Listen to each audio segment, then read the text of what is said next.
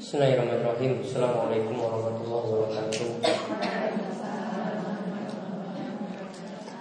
Hamdan fihi kama yuhibbu rabbuna wa yardah.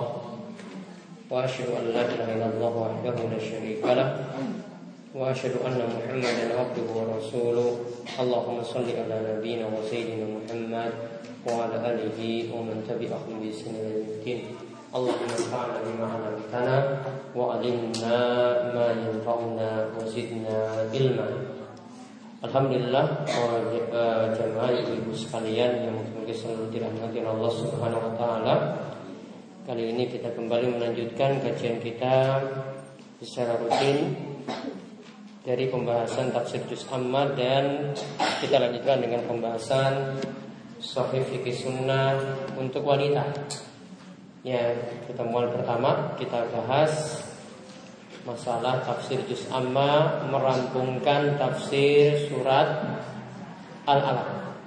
Yang merampungkan tafsir surat Al-Alaq. Jadi kita mau saringan saking ayat tunggal sampai songolas. Moga saringan saking tahu. A'udzu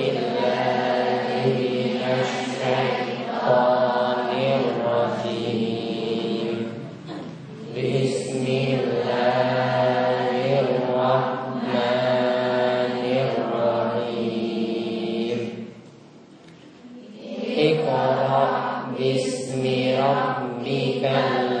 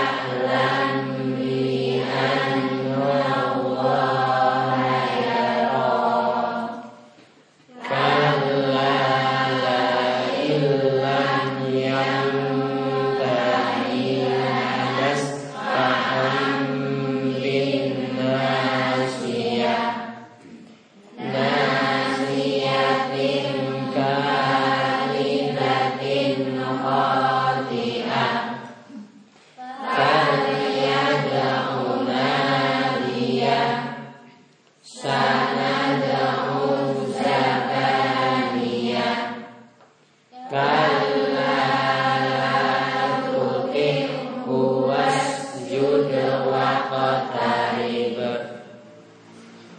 dibaca dia ya, penyebut dari ayat terakhir ayat berapa? Ayat bintang nggih? Sepuluh? Delapan kayaknya.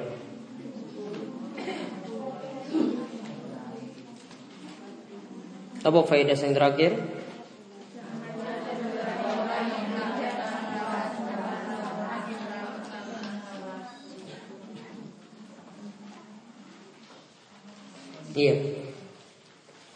Itu sampai ayat ke-8. Dibaca artinya dari ayat 8 sampai 19. Aku berlindung kepada Allah dari segala setan yang terkutuk. Sesungguhnya hanya kepada Tuhan pula kembali. Bagaimana pendapatmu tentang orang yang melarang? Seorang hamba ketika dia mengerjakan sholat. Bagaimana pendapatmu jika orang yang dilarang itu berada di atas kebenaran? Atau dia menyuruh bertakwa kepada Allah? Bagaimana pendapatmu jika orang yang melarang itu mendustakan dan berpaling? Tidaklah Tidakkah dia mengetahui bahwa sesungguhnya Allah melihat segala perbuatannya? Ketahuilah, sungguh, jika dia tidak berhenti berbuat demikian, niscaya kami tarik ubun-ubunnya.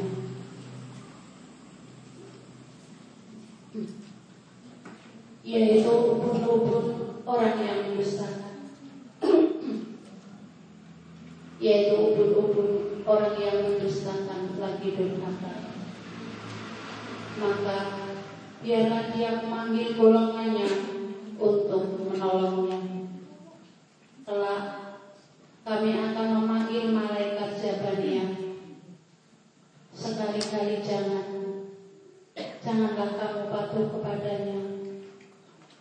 Dan sujudlah dan dekatkanlah dirimu kepada Tuhan.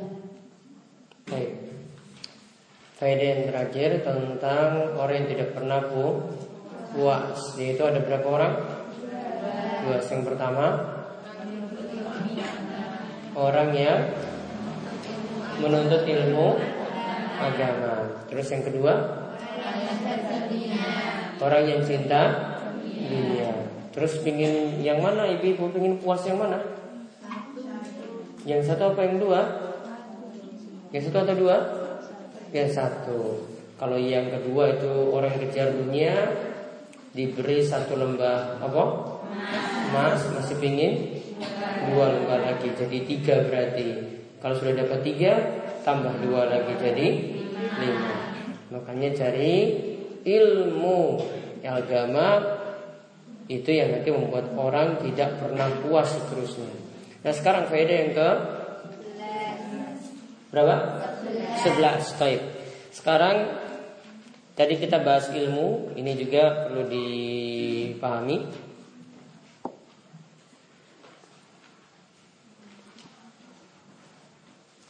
Ilmu yang dipelajari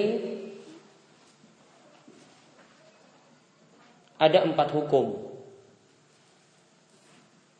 Ilmu yang dipelajari itu ada empat hukum. Jadi ibu-ibu nanti prioritas empat hukum ini. Saya ulang, ilmu yang dipelajari ada empat hukum. Yang pertama, fardu ain.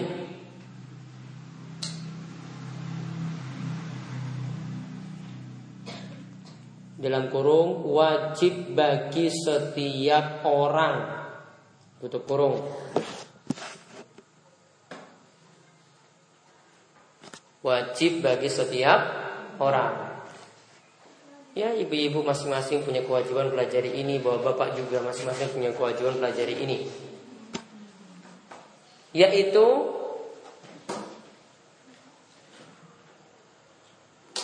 ilmu yang dibutuhkan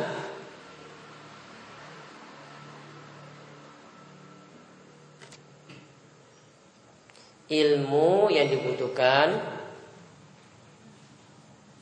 untuk menyokong agama. Ilmu yang dibutuhkan untuk menyokong agama.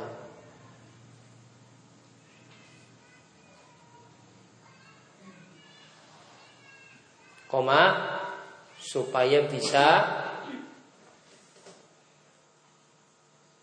menjalankan yang wajib supaya bisa menjalankan apa? Wajib yang wajib dan menjauhi yang haram. Supaya bisa menjalankan yang wajib dan menjauhi yang haram. Artinya gini, Jadi ada sesuatu yang wajib. Nggih. Ada sesuatu yang wajib kita lakukan. Contohnya apa yang wajib?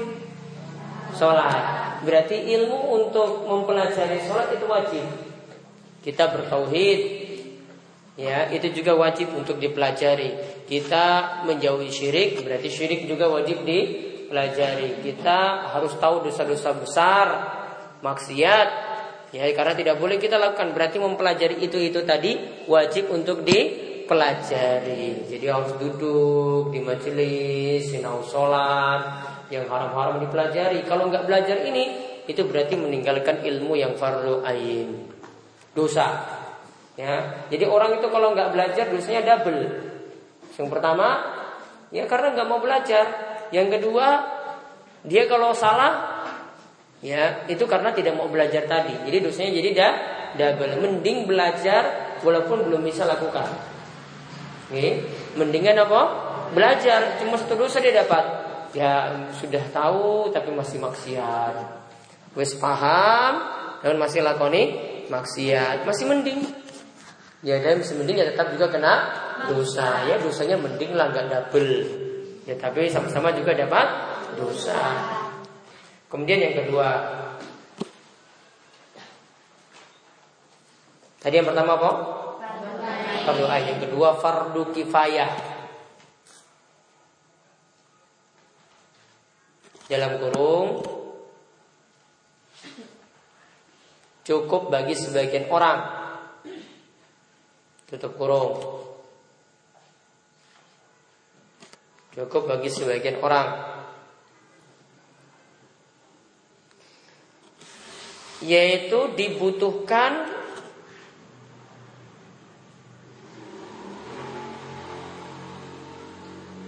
sebagai ilmu tambahan. Itu dibutuhkan sebagai ilmu tambahan. Sehingga dapat memberi manfaat sehingga dapat memberi manfaat pada orang lain.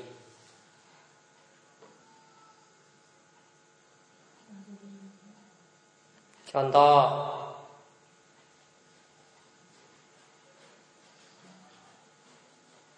Contoh. Al-Fardu Kifayah.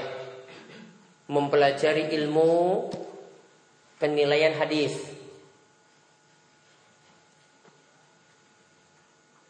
Mempelajari ilmu Penilaian Hadis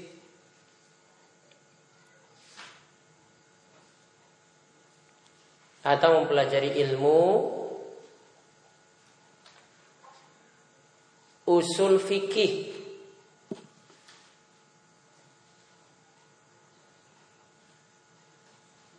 Nah, titik. Nah, ini yang kedua ini ibu-ibu nggak semuanya mesti pelajari. Cukup sebagian orang. Ini hadisnya sahih atau enggak. Ini hadisnya bisa dipakai atau tidak. Ada ilmu usul fikih misalnya. Ini mau menyimpulkan pendapat ulama yang macam-macam ini. Ini semuanya pakai dalil Namun ada yang lebih kuat. Mana ini pilih pendapat yang mana? Ya, Ini pendapat yang mana dari pendapat para ulama yang ada? Itu semuanya pakai dalil. Misalnya Sama-sama ulama berdalil. Namun dalilnya walaupun tidak spesifik Tidak tegas. Wanita hamil kali menyusui. Ya ada yang katakan cuma vidya saja. Ada yang katakan kodok saja, nyaur saja. Ada yang katakan vidya kali ya nyaur sisan dua sekaligus. Mana pendapat yang paling kuat? Itu orang yang sudah pelajari ilmu usul fikih, pelajari ilmu-ilmu dasar seperti itu, dia lihat dalil-dalilnya baru dia simpulkan. Ini orang khusus yang mempelajarinya hukumnya fardu kifayah. Kalau tidak ada satupun di kampung ini atau di Jogja ini yang pelajari semuanya kena dosa. Ya, kalau tidak ada yang pelajari semuanya kena dosa, termasuk belajar bahasa Arab. Gak ada satupun orang Jogja yang bisa bahasa Arab, wah kena dosa semuanya. Gimana mau pelajari Al-Quran, pelajari hadis kalau nggak pakai bahasa Arab? Harus pelajari bahasa Arab. Namun kalau sudah ada yang belajar, Alhamdulillah syukur-syukur sudah ada yang belajar. Namun kalau yang sudah belajar mati, ya berarti harus belajar lagi.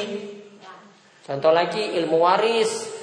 Ya, hitung waris itu harus ada yang pelajari. Ya, ini cara hitungnya gimana? Ibu-ibu yang pernah saya ajarkan masih ingat? Masih ingat? Titik. Titik.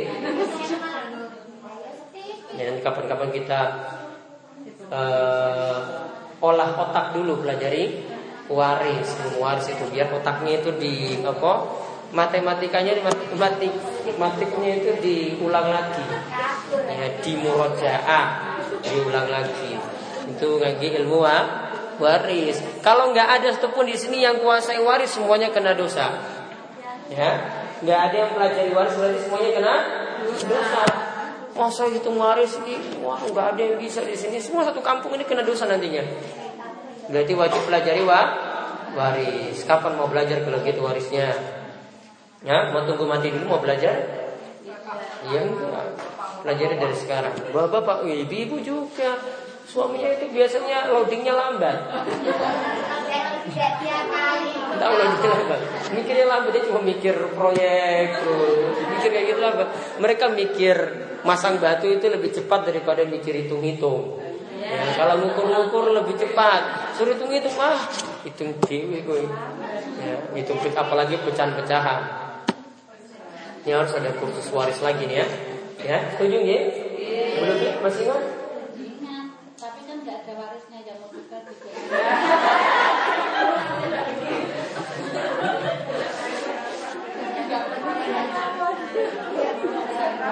Kalau kita gak dapat waris, mungkin kita nanti dapat waris. Kita nggak bagi waris, mungkin dapat warisan dari orang lain. Dia pelajari berapa jatah kita itu bisa rembukan. Oh jatahku ini udah ini bukan seperenam, dapat separuh. misalnya protes. Ya. Jadi seperti itu. Nanti kapan kapan ini bisa pelajari ini? Ibu-ibu mikir kurban terus nggak bisa mikirin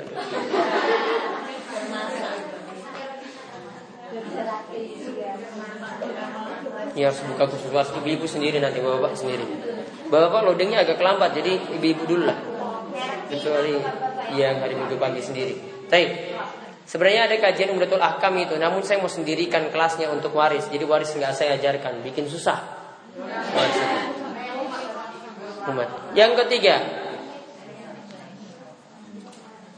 fardu ain, fardu kifayah, sunnah. Yang ketiga itu sunnah.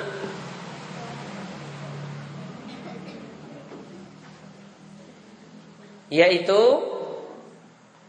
mendalami ilmu fikih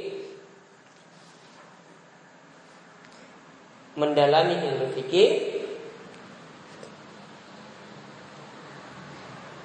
dan menata hati dalam kurung manajemen kolbu.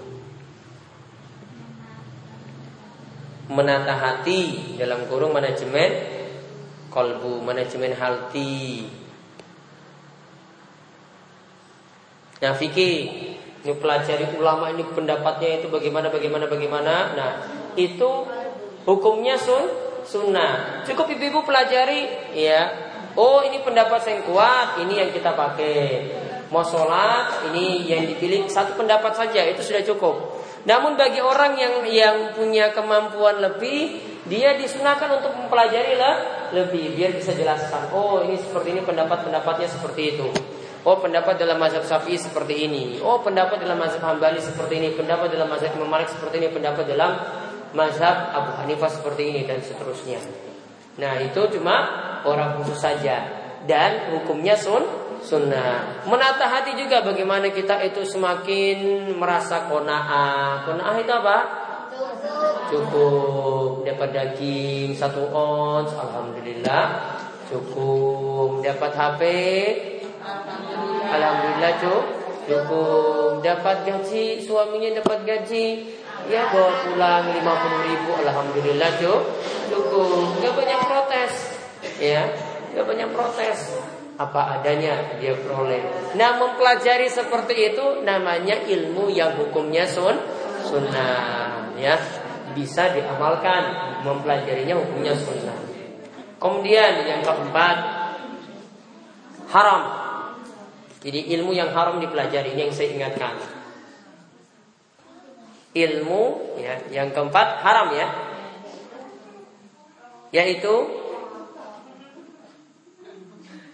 ilmu yang harus dijauhi. Contoh ilmu filsafat Ini, ini saya sebutkan dari pendapat ulama semacam silam ya. Ini perkataan Ibnu Nujaim. Koma sulap. Tahu sulap ya? Nah, ada sulap itu dengan permainan saja, main-main tangan. Ada sulap itu yang nipu itu pakai jin. Dua-duanya nggak boleh. Contoh lagi, lanjutannya. Ilmu perbintangan,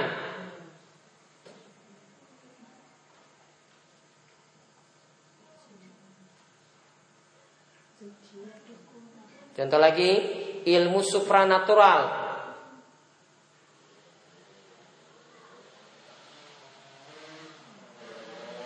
Contoh lagi, sihir.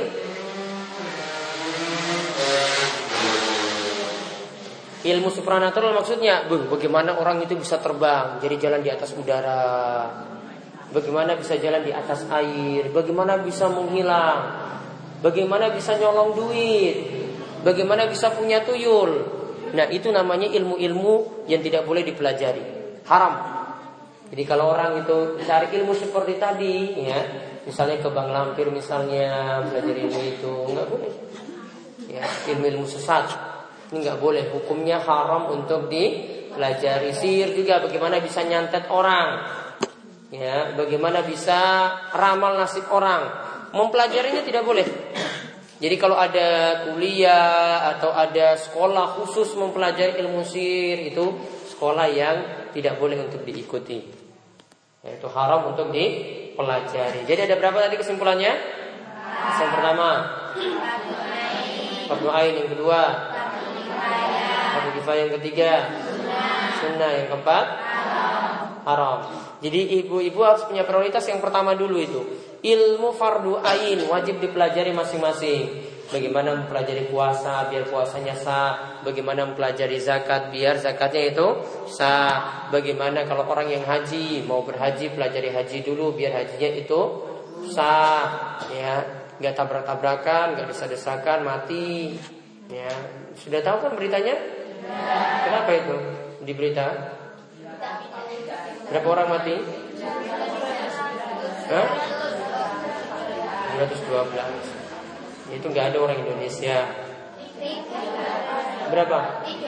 Tiga orang Indonesia Itu paling nyasar aja itu Ya karena itu bukan jalan orang Indonesia Ya kalau Memang tanggal 10 10 Zulhijjah hari Kamis pagi kemarin itu memang jalur-jalurnya padat Orang dari Arafah wukuf baru wukuf mabit di Musdalifah bermabit langsung menuju Mina. Ya Mina untuk lempar jumroh lempar dengan tujuh batu. Nah itu biasanya kejar waktu afdol habis subuh. Jadi habis subuh langsung lepas dari Musdalifah. Namun bagi tiang-tiang sepuh para wanita bisa keluar tengah malam. Dari Musdalifah langsung setelah jam 12 langsung keluar boleh namun biasanya mereka ingin kejar waktu utama yaitu setelah waktu subuh subuh baru sholat subuh di Musdalifah langsung keluar semuanya nah, itulah saling perebutan jalan-jalan yang sempit ya saling desak-desakan ketika itu untuk dapat waktu utama. Namun kalau orang Indonesia sudah diatur jadwalnya. Iseng ini, jamaah ini nanti jam semene, yang ini nanti jam ini sore, yang ini nanti malam. Kalau Indonesia sudah diatur tertib, jadi yang paling apik itu wong Indonesia di sana itu tertib sekali. Wong Arab itu senang kalau orang Indonesia masya Allah tertibnya gitu. Iya, lebih senang mereka tuh lihat orang Indonesia tertib. Tidak ada negara ataupun yang di dunia ini yang tertib seperti itu. Ya, kita kalau masuk kamar mandi itu kalau orang Arab atau orang Mesir, Afrika Baru masuk satu menit saja sudah ketok-ketok dari luar. Eh, ayo cepat gantian-gantian. Orang Indonesia kan cuma diam saja nunggu ngantri. Iya kan yang ngantri kan diam aja kan? Iya, yang ngantri diam. Gak usah ngetok-ngetok. Orang sana baru lepas celana langsung sudah terus. Ayo, wah ini mau emosi juga gimana? Jadi yang paling tenang itu orang Indonesia. Allah, akhlaknya itu luar biasa gitu kalau di sana itu. Gitu. orang Arab bilang kayak gitu. Ya. Jadi orang Arab senang maka kalau dapat TKW-nya itu Indonesia cantik gitu dia nikahi biasanya. Dinikahi sama orang Arab. Iya, itu dinikahi sama orang Arab itu. Di samping maharnya itu murah, mas kawin itu mau murah. Kalau dengan orang Arab, aduh satu miliar nanti mas kawinnya. Susah sekali. Makanya untung saya bukan orang Arab. Ya.